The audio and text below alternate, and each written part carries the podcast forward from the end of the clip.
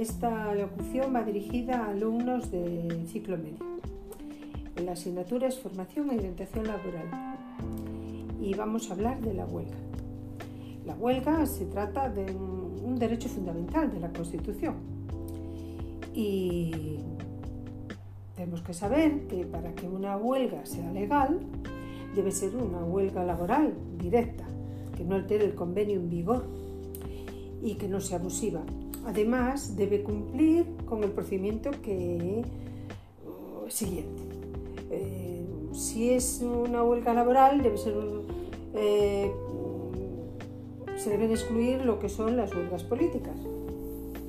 El Tribunal Constitucional interpreta que son ilegales las estrictamente políticas, pero sí son legales las huelgas contra los poderes públicos por las consecuencias económicas, sociales o laborales que ocasionen con sus acciones. Eh, por ejemplo, en la guerra de Irán los sindicatos fueron a la huelga con el consiguiente eslogan, no a la guerra y a sus consecuencias económicas, laborales y sociales. También puede ser una huelga directa. Para que sea una huelga directa, eh, han de estar prohibidas las huelgas de solidaridad.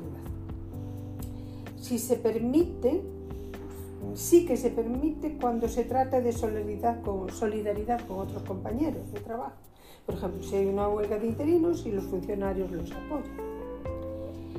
Luego, mmm, otra huelga sería una huelga que no altere el convenio en vigor.